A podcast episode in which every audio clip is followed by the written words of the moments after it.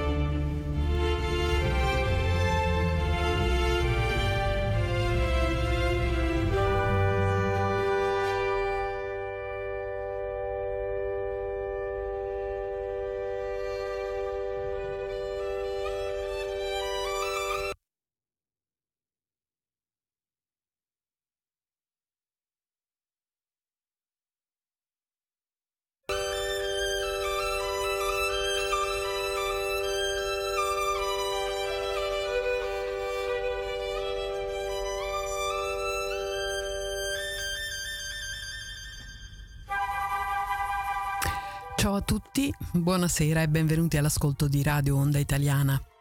Questa è Libera la Radio da Amsterdam. E questa sera parleremo della guerra in Ucraina e ne parleremo con, eh, con un testimone, ehm, un professore di italiano che vive a San Pietroburgo eh, al quale faremo delle domande proprio sulla, sulla, situazione e anche la domanda principale è quella qual è la verità sui fatti, quali sono le responsabilità dell'aggressore, dell'aggredito, quando è iniziata questa guerra e perché, visto che abbiamo la sensazione di essere sommersi da una propaganda, eh, spesso una propaganda decisamente interventista nella nostra libera e democratica Europa e forse in, in Russia accade esattamente la stessa cosa, quindi una propaganda ehm, anti, anti-occidentale. E di questo e di altri temi parleremo con Eugenio Alimena, professore a San Pietroburgo, ehm, conoscitore della Russia, visto che è un italiano che vive in Russia da molti anni e ci colleghiamo con lui tra pochi minuti, ma in sottofondo vi faccio ascoltare la grande Pasqua russa di Rimsky-Korsakov.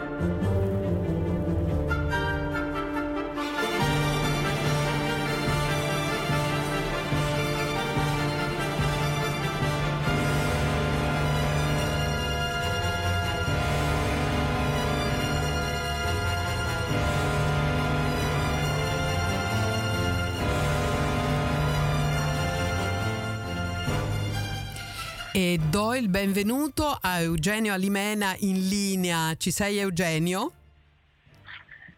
Sì, salve a tutti, buonasera. Grazie, grazie. grazie. Veramente grazie della tua disponibilità a eh, essere qui con noi stasera a Radio Onda Italiana.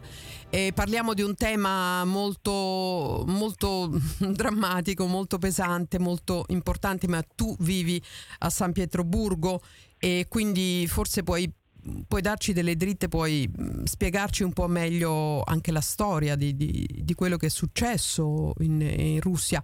Uh-huh. parliamo quindi della guerra in Ucraina e la prima domanda è la verità sui fatti, le responsabilità dell'aggressore e dell'aggredito e quando è iniziata questa guerra e perché?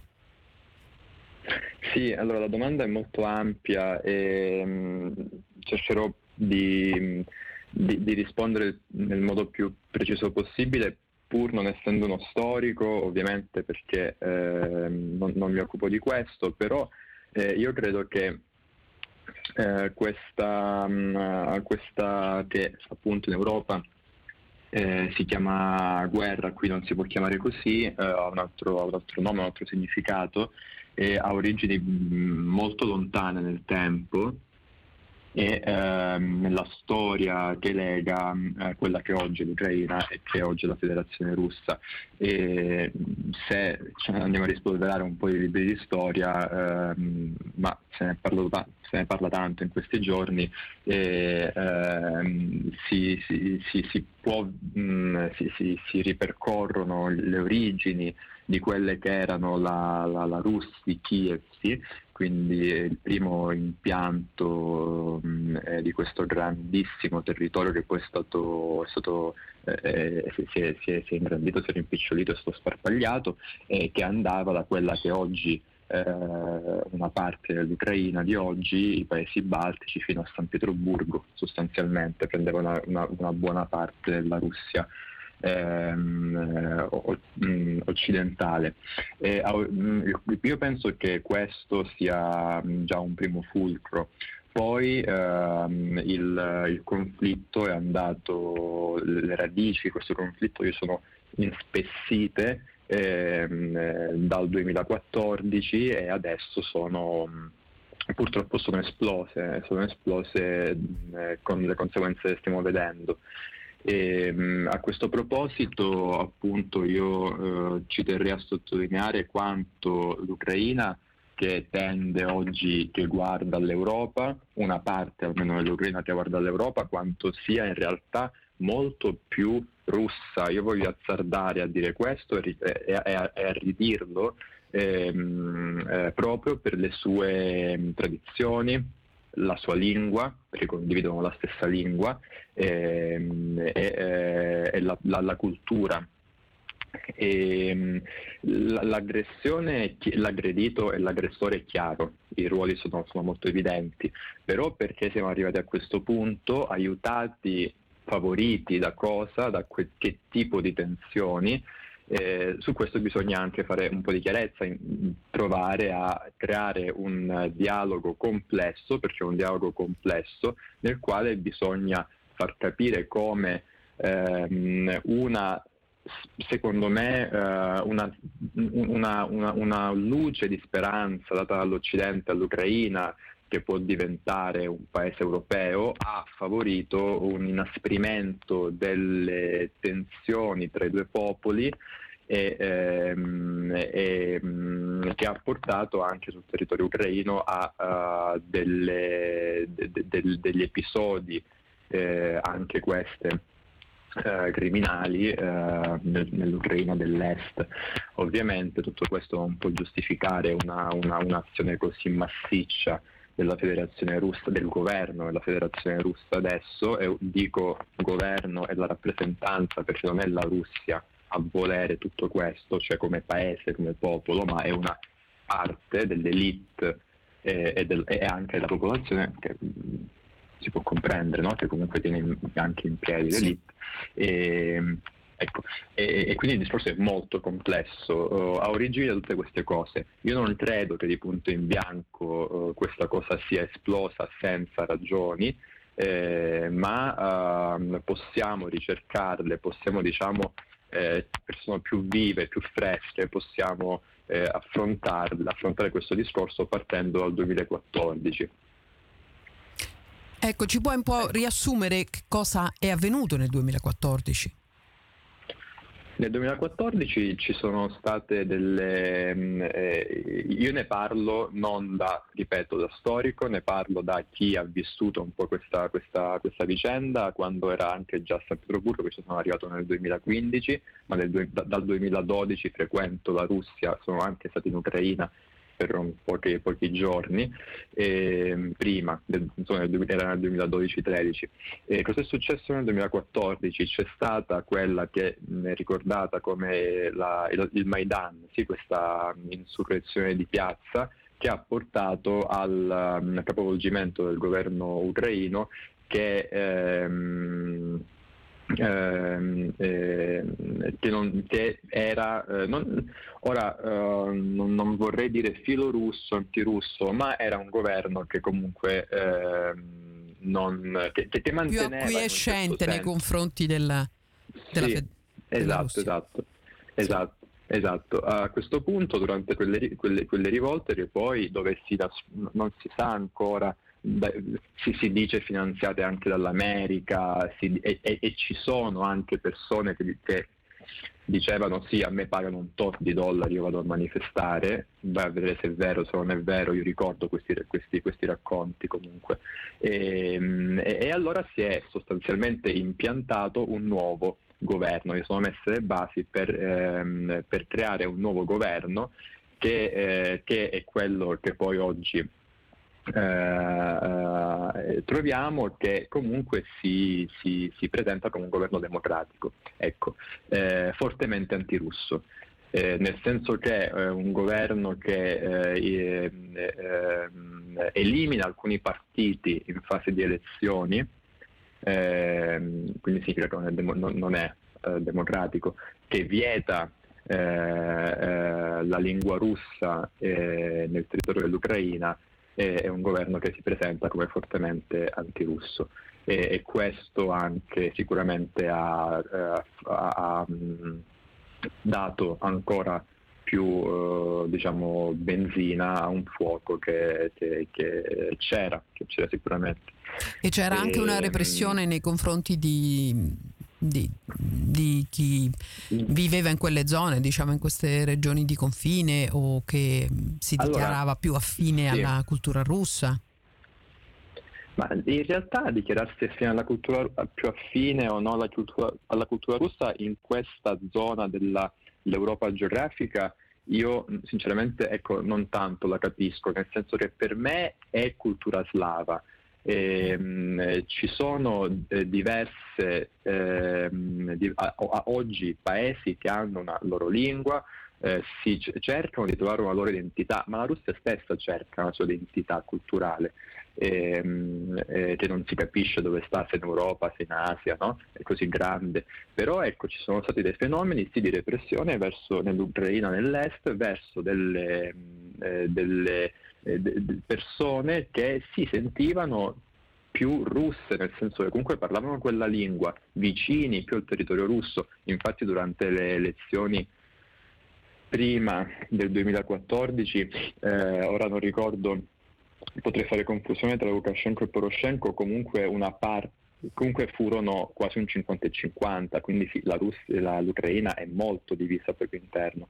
Eh, però ecco, durante, durante questa, mm, eh, dal 2014 sono in atto nelle, in queste due repubbliche oggi che si sono eh, si, si, si, vogliono distaccare dall'Ucraina e sono, mm, sono in atto degli, dei fenomeni repressivi. La strage di Odessa che eh, non, voglio, non, voglio, dire che giustifica oggi la Russia, no, non sto dicendo questo, ma la strage di Odessa non viene presa in considerazione, oltretutto ehm, è, è, stata anche cambiata la pagina di Wikipedia, sì. oggi se si va a cercare la strage di Odessa su Wikipedia si trova che è stato un incendio provocato chissà da chi, da cosa all'interno di questa struttura, eh, di questo palazzo, in realtà eh, sono morti degli ucraini, diciamo più russi, se si può dire così, ehm, eh, uccisi dai, da, da uh, estremisti ucraini. Eh, i, i, nazisti di cui parla il presidente, cui parla il presidente russo, no? di cui parla Putin oggi in Ucraina, sono loro. E, e uno, e ho, sentivo anche oggi eh, una, una piccola conferenza appunto eh, si diceva che l'obiettivo della Russia di, non è quello di conquistare l'Europa, come si vocifera nell'Italia, nel, in Italia, nell'Europa che grida sempre allo scandalo, ma è quello di liberare questi territori. Eh, ora, eh, cosa loro intendono per liberare come vogliono farlo, quello che stanno attuando è, è assurdo ovviamente, però si capisce che eh, si sente una, un voler uh, ehm, eh, riportare a casa, come è successo con la Crimea, diciamo, riportare a casa quel, quei territori e quelle persone. Con la Crimea passò tutto più diciamo, in silenzio perché eh, non ci, non, non, fu, una, fu una, una, un'operazione molto più veloce, eh, subito seguita dal referendum, eh, referendum diciamo, pulito o non pulito, questo chissà se si saprà mai, però comunque c'è stato, non dobbiamo comunque attenerci ai fatti, credo, ed è stata comunque diciamo, ripresa questa Crimea che era storicamente comunque russa, a parte quel breve, que, que, quegli anni in cui venne, poi venne regalata no, dall'Ucraina. Diciamo. E, e, quindi è, è questo che, che, che genera, uh, che, questo, questa questione che deve comunque um, eh, deve um, stimolare un, un dibattito eh, per provare a capire eh, effettivamente se l'aggressore è solo un aggressore eh, eh, spietato perché sta facendo azioni di questo tipo, e, mh, ma anche ehm, eh, cerca di, ehm, eh, di, di, di, eh, di fare del, diciamo, quello che lui pensa no? possa essere del bene per il suo paese e, e poi se l'aggredito è effettivamente un aggredito eh, così puro oppure un aggredito che potrebbe in realtà mh, eh, non essere così eh, così mh, diciamo angelico come, come, come, sem- come, vuol far sembrare. Io voglio raccontare un piccolo, un piccolo, una piccola esperienza eh, avuta a Kiev. Quando sono arrivato nel 2012-13 era un capodanno. Eh, mi sono trovato appunto a um, conoscere, parlare con persone del posto, studenti, soprattutto io all'epoca ero ancora uno studente, eh, in russo e, e il dialogo era sereno all'università, nelle scuole, nelle, nelle vie, par- io parlavo in russo perché non, non conoscevo l'ucraino e, e, non ho mai avvertito alcun tipo di disagio, rea- eh, disagio che però ho avvertito soltanto parlando con eh, quei contatti che ho avuto con la polizia, la polizia doganale in aeroporto e la polizia per strada. In aeroporto mi chiesero eh, io, vedevo, io, arrivavo da Mosca, mi chiesero perché ero a Mosca, cosa facevo a Mosca, eh, perché parlavo il russo ehm, e se avevo dei rubli in tasca, eh, questi rubli che poi mi sono stati presi in un, in un sottopassaggio da, da, da, da, altri poliziotti, presi nel senso eh, diciamo un po' una cauzione perché io stavo girando senza documenti, li avevo lasciati in valigia ed era un po' un ok ti facciamo andare via eh, però, però dam, magari, dammi soldi. Eh, esatto, esatto, una cosa che un po' fa pensare ancora all'epoca sovietica. Ecco, questo è stato il mio contatto, il mio primo e unico in realtà contatto col territorio eh, ucraino che fa pensare perché ehm, io cerco di sensibilizzare molto alla società, non, non tanto alla, per quella che conosco, non tanto a, a, a, alla politica, ai, ai, ai cavilli no, di, di, di, di diritto internazionale. Io penso che questa, oggi quest, tutto questo non, non, sia in realtà voluto da nessun ben pensante ehm, eh, eh, russo-ucraino perché sono sconvolti è effettivamente una guerra civile che vede eh, uccidersi tra fratelli. Ora se lo dici, in, eh, però per esempio in Russia e in Ucraina nessuno dice più di essere fratello, perché sono, eh, ormai si disconoscono, famiglie spezzate. Eh, mia moglie ha origini ucraine, ha una famiglia metà in Russia, metà in Ucraina e, e si trovano loro quasi disprezzati perché vivono in Russia. Perché? Eh, è, una, è, è, davvero una, una, una è, è, una cosa che, che sta, è, un dramma, è un dramma familiare. Questo non è successo in Crimea, per esempio. Quello che sta succedendo oggi nel territorio dell'Ucraina è un, è un dramma familiare che, che, che però colpisce fortemente anche la Russia, che fino agli Urali, io non so le percentuali, ma posso immaginare che la Russia fino, la Russia diciamo europea quindi, eh, dai confini con uh, l'Europa fino agli Urali ha una popolazione di origine russa eh, di una percentuale altissima e quindi si trovano e questo, questo eh, si, si, si, avverte anche dalle manifestazioni che ci sono state no? eh, perché si attaccavano le proprie famiglie e, e quindi è un, è, un, è un, dramma, è un dramma molto molto complesso che, che ha bisogno non soltanto della, de, di una versione, cioè eh, la Russia sta attaccando l'Ucraina, noi dobbiamo salvare l'Ucraina dal, e l'Europa tutta dalla Russia, ma è un discorso che deve abbracciare più campi perché secondo me solo così riusciamo a ehm, tracciare tutti, eh, a, a, raccogliere tutte queste fila e farne un unico quadro che ci potrà un giorno magari spiegare cosa, chi ha voluto realmente tutto questo e, e a, cosa, a, cosa, ha portato. Sì. Qui in, in, Europa abbiamo la sensazione di essere sommersi da una propaganda interventista.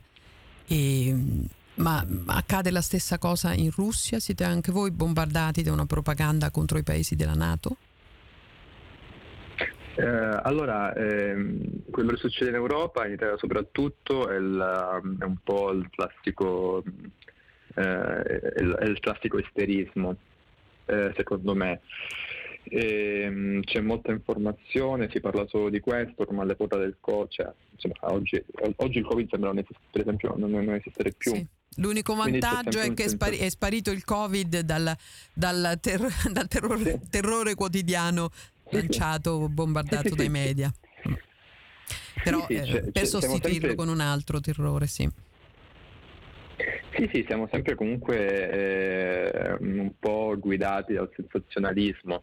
Eh, eh, però che appunto è indirizzato, mi sembra, è su una linea che è quella appunto della propaganda eh, NATO, eh, europea, filoamericana. Eh, che va bene, sono, mi piace molto il, l'ampio dibattito che, che si crea in Europa, in Italia, vedo che in Italia però eh, eh, appunto è, è, di parte eh, nei media nei mainstream allora. perché poi nella popolazione sì, sì, sì, ci sono posizioni abbastanza molto più equilibrate anche da parte di molti intellettuali progressisti fortunatamente che si sono un po' risvegliati nei media mainstream sì. C'è un... sì. In Russia questo succede, in Russia questo non, non, non succede, nel senso, ora io non guardo molto la televisione in generale, però comunque in Russia eh, forse anche questo perché è un retaggio sovietico, non si parla tanto. Eh, c'è un fatto, succede qualcosa, però i russi aspettano, ehm, si guardano, si informano, ma non scambiano informazioni perché non, non, non è sicuro. Sì? eh, quello che succedeva in Unione Sovietica, eh, quello che c'è, c'è, c'è, il sentimento un po' di stare sempre su, eh, su, su, nel, eh, nella propria casa, non interessarsi ai fatti altrui, oggi è, è, c'è, è, la, è, un po' la stessa cosa. In televisione eh, o alla, um, eh, sui social si parla di questa cosa, si parla di questo nei quotidiani, nei quotidiani. nei quotidiani anche sì, si parla della, dell'Europa, della Nato che è ostile, eh, ma si presentano le azioni che loro fanno, eh, le sanzioni, ehm, eh, le, mm, ehm, ehm, e, e, e, e, certamente se ne parla, però sì, però non, c- sì, non c'è una, non, non, mi pare di aver sentito una, un enorme cioè, non, non, non, è, non, c'è, c'è qualcosa di paragonabile a quello che sta avvenendo in Italia, per esempio, o, o, anche, no, assoluta, ass- o anche, negli altri paesi. No, Beh, io sono in Olanda, vivo in Olanda, no. però la situazione è un po' simile a quella italiana.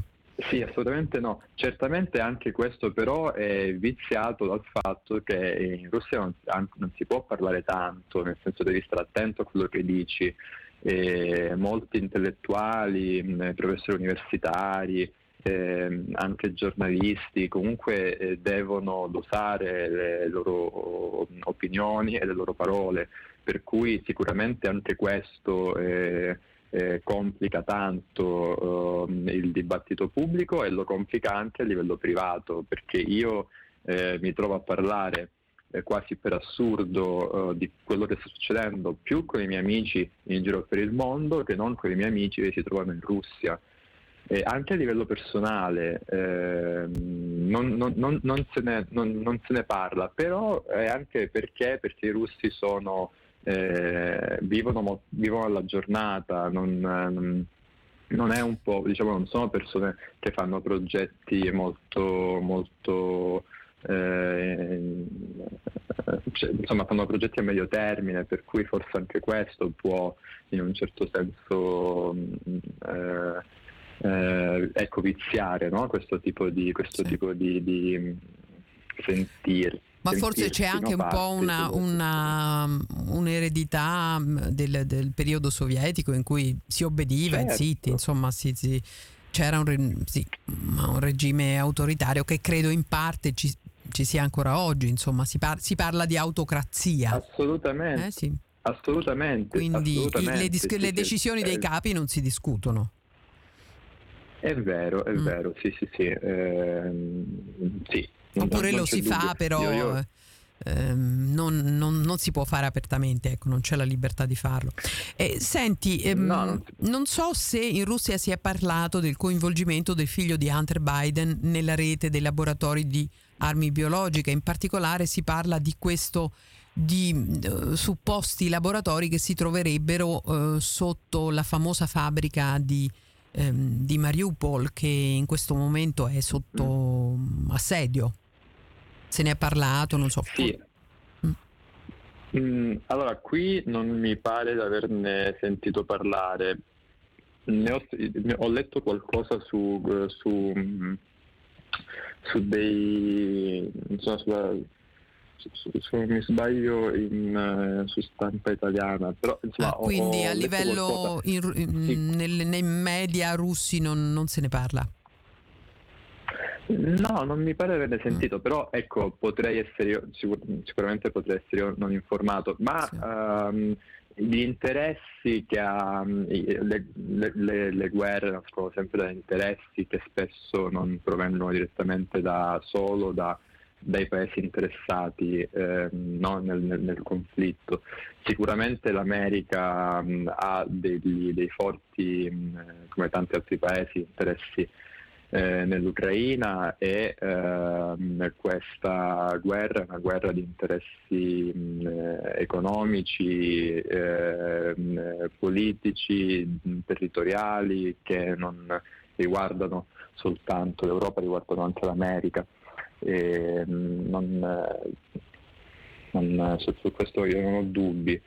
Poi che ci siano appunto delle, delle, delle influenze da parte di esponenti eh, della presidenza parenza, figlio, figlio del presidente di Biden in questo caso è probabile, è probabile. D'altra parte anche noi italiani abbiamo esponenti politici che, politici che vanno a offrire i loro servizi in paesi ehm, eh, diciamo non proprio, non proprio, che rispettano i diritti umani, per cui non so ora eh, nello specifico cosa eh, Hunter Biden sì. E, ehm, senti, invece a proposito della fornitura di gas, perché ora c'è questa... Eh, sì, c'è questa, questa cosa che, che, ha detto Putin, praticamente che chi vuole comprare il gas russo dovrà acquistarlo in rubli. Ovviamente la reazione dell'Occidente è, vabbè, allora smetteremo di comprare il gas russo. Eh, di questo se ne è parlato, c'è stata un'eco ehm, e secondo te potrebbe essere mm, un segnale non soltanto per il fatto dell'acquisto del gas russo, ma per, eh, per far riconquistare una posizione eh, di prestigio mm, eh, del rublo rispetto a altre monete e forse scalzare un po' il dollaro? Eh, dunque, su, del gas se ne parla, certo. Mm. Uh, eh, a, a, me fa un po' simpaticamente, non so se simpaticamente si può dire, mi fa un po' ridere questa posizione dell'Europa che sanziona tutto e non sanziona eh, le, le, importazioni del gas, eh, cioè le esportazioni della Russia del gas in Europa e, e, e delle banche no, che gestiscono questi pagamenti. E questo poteva essere un colpo molto duro per la Russia ehm, perché le sanzioni almeno ad oggi ehm, non pare stiano colpendo duramente il, il paese. Certo, mh, eh, l'economia non, eh, c'è anche qui una forte inflazione, però il rublo da, da, due, da una settimana in dieci giorni ha ripreso quasi il, il, suo, il suo, valore sul, sul mercato. E, mh, il fatto di pagarlo in rubli io non so, in Italia si dice che, una, che questa qui eh, sia una, um, un venir meno ai doveri contrattuali, insomma. Eh, non so se in questo caso si ci possa appellare no? a un venir meno a dei doveri contrattuali, però eh, sicuramente questo è un modo per eh, provare a, raffor- a, a rafforzare la, la, moneta russa, a, anche qui a ehm, eh, far... Um, eh, rimodellare degli equilibri mh, economici che eh, possono mettere eh, sicuramente in difficoltà eh, l'Europa. Il gas però, attenzione perché le esportazioni di materie prime della Russia è un tasto dolente sia per chi le compra che per chi le vende, perché ehm, se la Russia dovesse smettere eh, di, di mh, esportare il gas eh, nei paesi europei. Non, non so se eh, eh reggerà tanto questo a chi, chi li vende e in quanto tempo? Perché si sta parlando adesso di fare dei collegamenti con Cina, Asia per vendere lì e non in Europa però queste sono tempistiche credo abbastanza lunghe, per cui non fa comodo a nessuno. Non, mh, mm, questa, questa, eh, ecco perché appunto anche l'Europa in questo caso si trova in una posizione di scarsa coerenza, perché quando qualcosa gli serve eh, allora la, la, la, no? sfrutta, quando invece forse non gli serve eh, taglia. E, mh, chissà, non... Ehm, eh, questa è una, una, sì, una, battaglia un po' più, più, più dura che mh, mm, almeno agli italiani tutti eh, spaventa perché appunto, io sento anche eh, appunto da, da, da, casa che fa paura questa cosa di non aver uh, il, il, riscaldamento d'inverno. L'Italia praticamente e... ha eh, puntato massicciamente sul, sul gas, cioè avremmo potuto puntare di più sulle rinnovabili o su altro, invece è stata fatta un, certo. tutta una una politica per, la, per, una massiccia penetrazione del gas, quindi perder, perderlo sì, dall'oggi al domani sarebbe un grosso problema. E, eh, senti... Sì, sì, sì, sì, ma, ma... Mm-hmm. Sì, si parla anche di sì. Mm, questo discorso del rublo, ma c'è anche il discorso dell'oro, cioè sembrerebbe che, ehm, che Putin voglia tornare all'oro come, come, gold standard, diciamo, come standard mm. e uscire un po' fuori dalla logica del denaro così creato dal nulla, che è proprio quello che, eh, che piace tanto al, al turbocapitalismo eh, dell'Occidente. Sì e mh, da questo punto di vista si parla anche ecco, di una, una, nuova visione del capitalismo, quindi tornare all'oro, di questo se ne parla in Russia? Se, bah, uh, sì, se ne parla, io ho sentito appunto di questo, di, di, di quest'idea che mi, mi, ricordava un po' la, la, proposta del governo italiano di tornare al carbone, no? se non abbiamo più il gas, eh, e che poi il carbone anche l'avremmo comprato dalla Russia però. Eh, sì, ne, ma è, è, probabile, insomma, non, da qui a tanti anni chissà se la moneta resterà al valore di scambio oppure si tornerà a vecchi, a vecchi, a vecchi valori, no? Insomma, vecchi, vecchi, si, si, parla anche di una possibilità, di, cioè andare avanti così, creare moneta dal nulla è un sistema che, che, che scoppierà. Alcuni prevedono un, un'esplosione, un, un'implosione a brevissimo termine, per cui un modo per uscire da questa situazione potrebbe essere quella di tornare di nuovo al vecchio gold standard che, era, che esisteva, sì. che esisteva in passato e che sì. in realtà funzionava perché comunque era legato a valori veri o legato anche a una produzione industriale. E invece il capitalismo di oggi è legato ai, ai derivati, cioè quindi si fanno eh, si, si, si, lucra sul, sul, debito, sul rischio di debito, su, sì. sul, sulle disgrazie in fondo che capitano all'umanità. Sì, sì. È, è, è, un sistema che non è, non, può, non, è, sostenibile ecco, alla lunga. Certo. Sì, poi se pensiamo appunto al rublo come moneta fortemente altalenante che negli ultimi anni ha perso io ricordo quando ero a Mosca nel 2012 un euro erano tra i 27 e i 35 rubli. Ehm, a febbraio un euro è arrivato ad essere 160 rubli mm. e oggi è tornato a 87, insomma quello che era più era a gennaio. Quindi è una moneta che è fortemente svalutata, che è altalenante, oggi è fuori dal mercato, praticamente è fuori dal mercato perché eh, questo è anche stato un dramma per tantissimi, per tantissimi ehm, eh, stranieri, ma anche russi sul territorio della Federazione russa che si sono visti da un giorno all'altro eh, bloccati conti o in euro, in dollari qui insomma, in giro per il mondo i propri conti, ma anche quelli russi, perché se adesso tu vai fuori dalla Russia non puoi usare una carta di credito di un conto russo, non puoi usare rubli, non te li cambiano, o se te li cambiano con tassi da pazzi e quindi forse sì, tornare a loro potrebbe essere anche un modo per sopperire a questa forte instabilità eh, della, della moneta russa. Sì. Eh, senti, qui in Europa abbiamo a che fare con questa digitalizzazione spinta che anche legata a questo concetto del transumanesimo, no? quest'idea che con un, praticamente dall'esterno eh, con una chip ci, ci, si può collegare e creare una rete eh, con il nostro cervello e quindi dare informazioni al, al nostro cervello, eh, per esempio date da un'intelligenza artificiale. Insomma, mh, c'è questa filosofia che sta sempre più prendendo piede e non è direttamente legata al, discorso della, della, guerra ovviamente, ma è più un, un tema eh, molto preoccupante e che preoccupa molti qui. Eh, se ne parla in Russia, è un tema che esiste oppure, oppure no? Quindi di questa... Ma di, non so se sai un po' queste, anche gli esperimenti che sta facendo Elon Musk di impianti nel cervello che possano eh, ricevere degli impulsi dall'esterno, quindi per esempio da, da un'intelligenza artificiale o, o altro.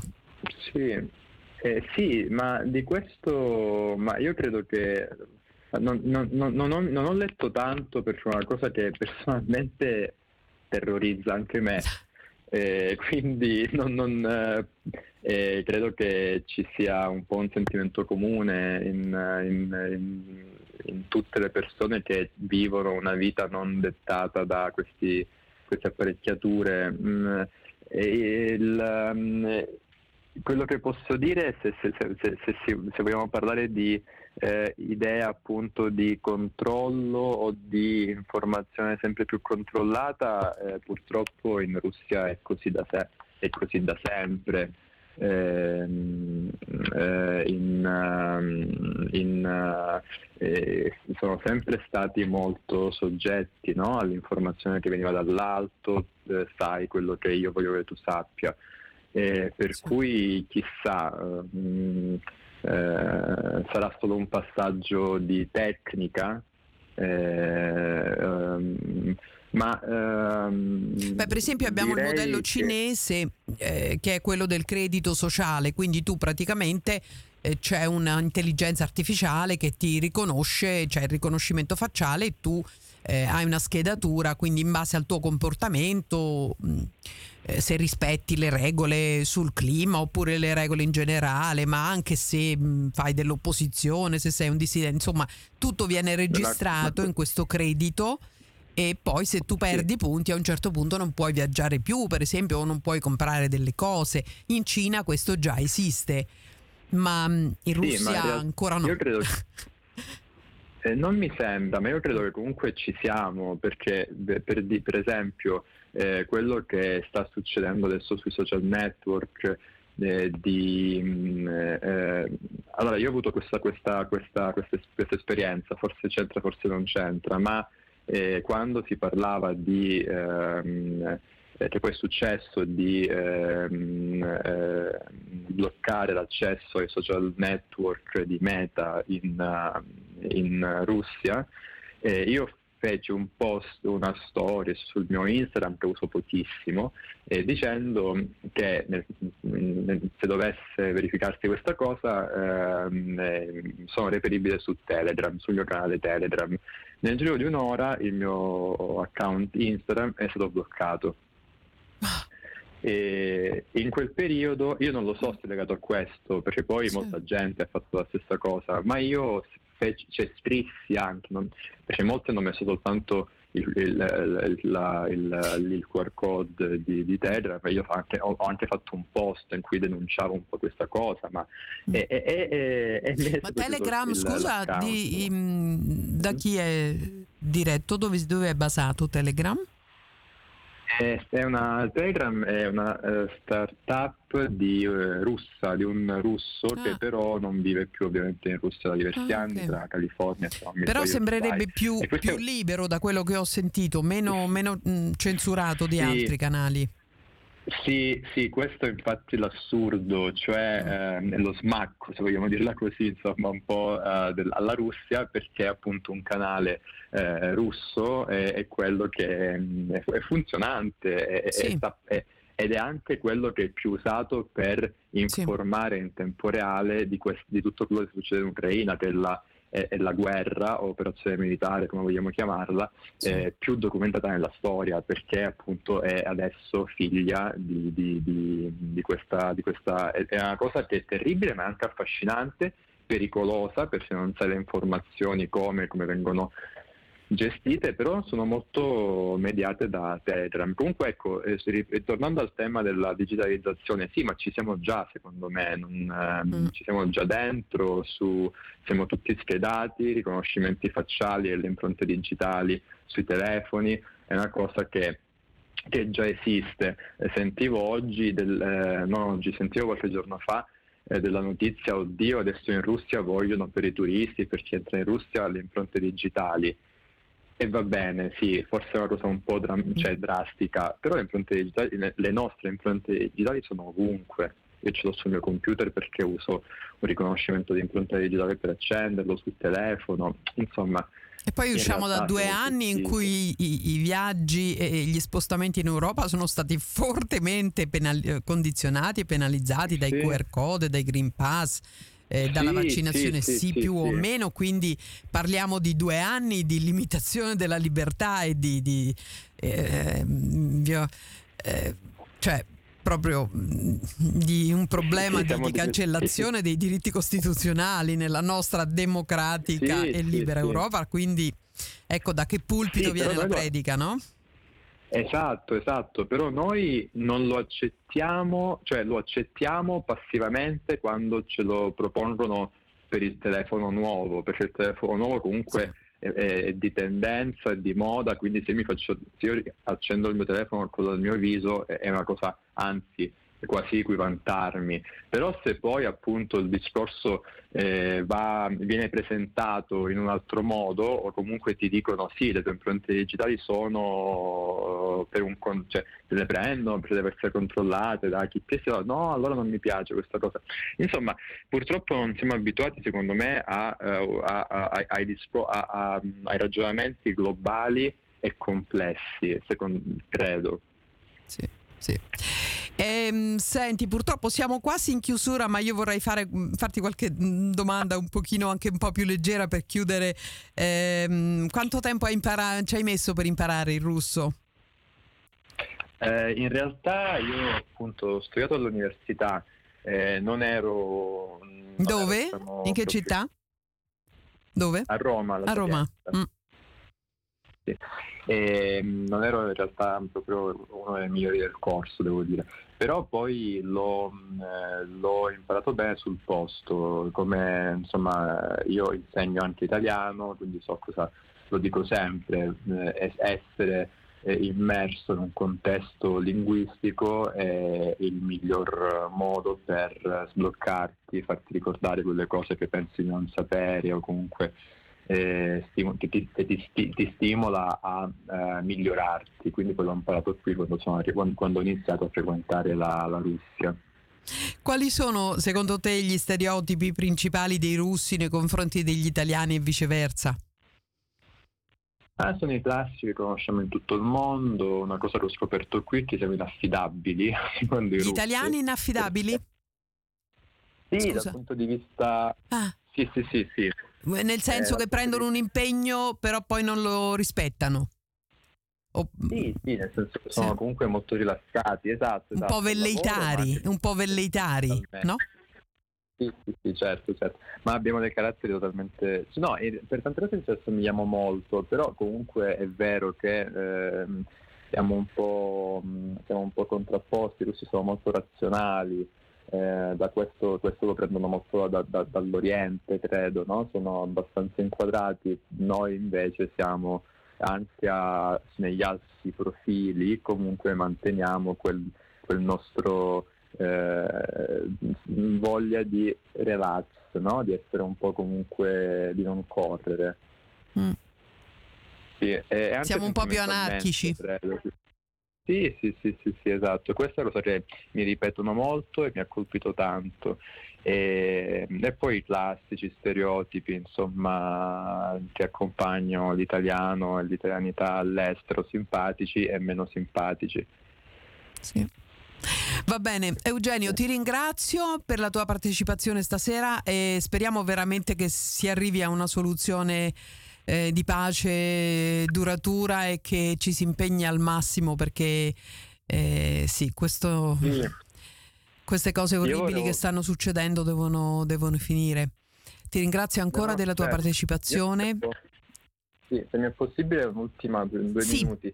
Io appunto volevo fare un po' questo appello, cioè lo, lo, lo, lo dissi un po' di tempo fa e che a me piacerebbe ehm, proprio perché ho imparato a conoscere l'Ucraina, gli ucraini, ehm, eh, perché appunto mia moglie è originaria ucraina. Eh, a me piacerebbe appunto un'Ucraina che, non, che sia uh, ucraina, che non sia uh, in, eh, troppo legata al, al, sogno americano, che non sia mh, mm, ripresa dalla, non, dal, dal, dal, da, da, quello che era il sogno sovietico, no? un'Ucraina che, sia, uh, che, che, trovi una sua uh, identità, una sua posizione, la, la, trovi nel modo più pacifico possibile senza influenze di, di, di alcun tipo. Questa è la cosa che ci tenevo a dire che spero possa accompagnarci anche in un, uh, in un um, sentimento di fratellanza tra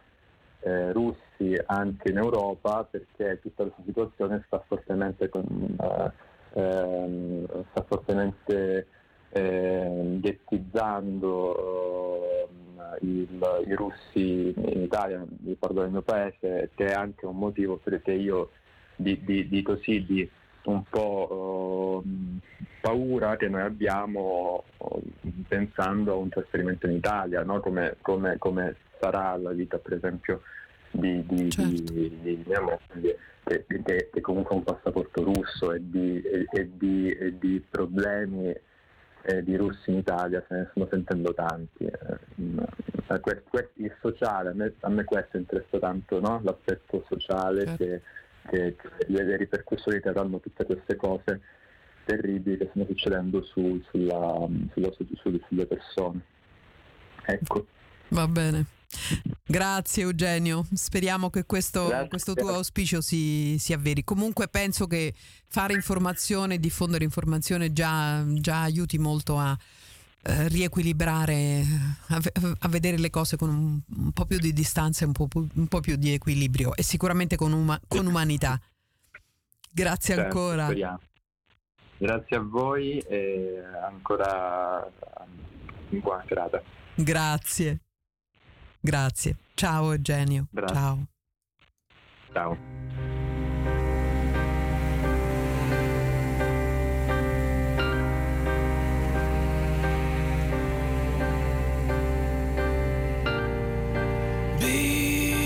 Tanni Sonseydim Malo kto znaje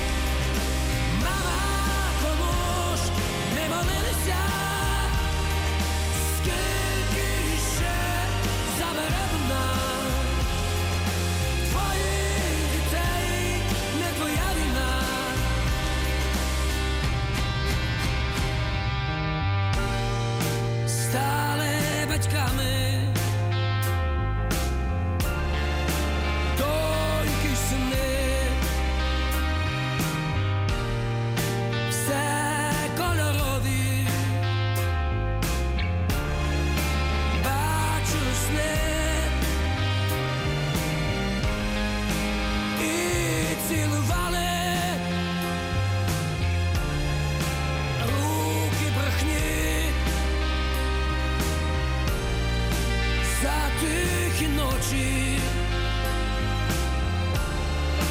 відстави днів.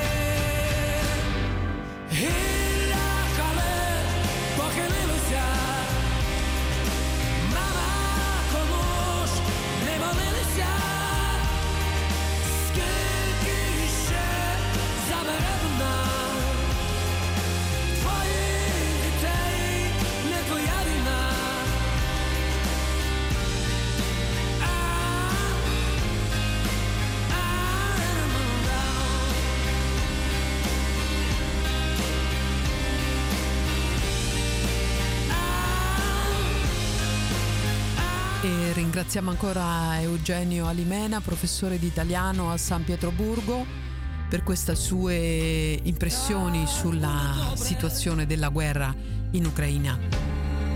Grazie ancora e grazie anche a tutti i nostri ascoltatori. Chiudiamo con Ocean Elsie, Not Your War. Questa era Libera la radio, Radio Onda Italiana da Amsterdam. Grazie ancora dell'attenzione e ci risentiamo la prossima settimana, sempre alle 20 il mercoledì sera. E ricordo anche il programma, il nostro programma del lunedì sera con Sebastiano Gentile, Musica Ribelle, ogni lunedì dalle 20 alle 21.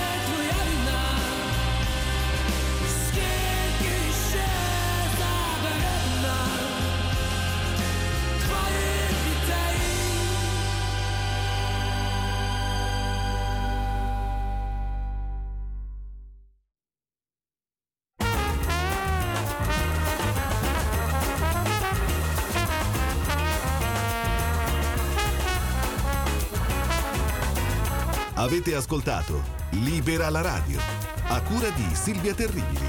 Informazione, musica e cultura italiana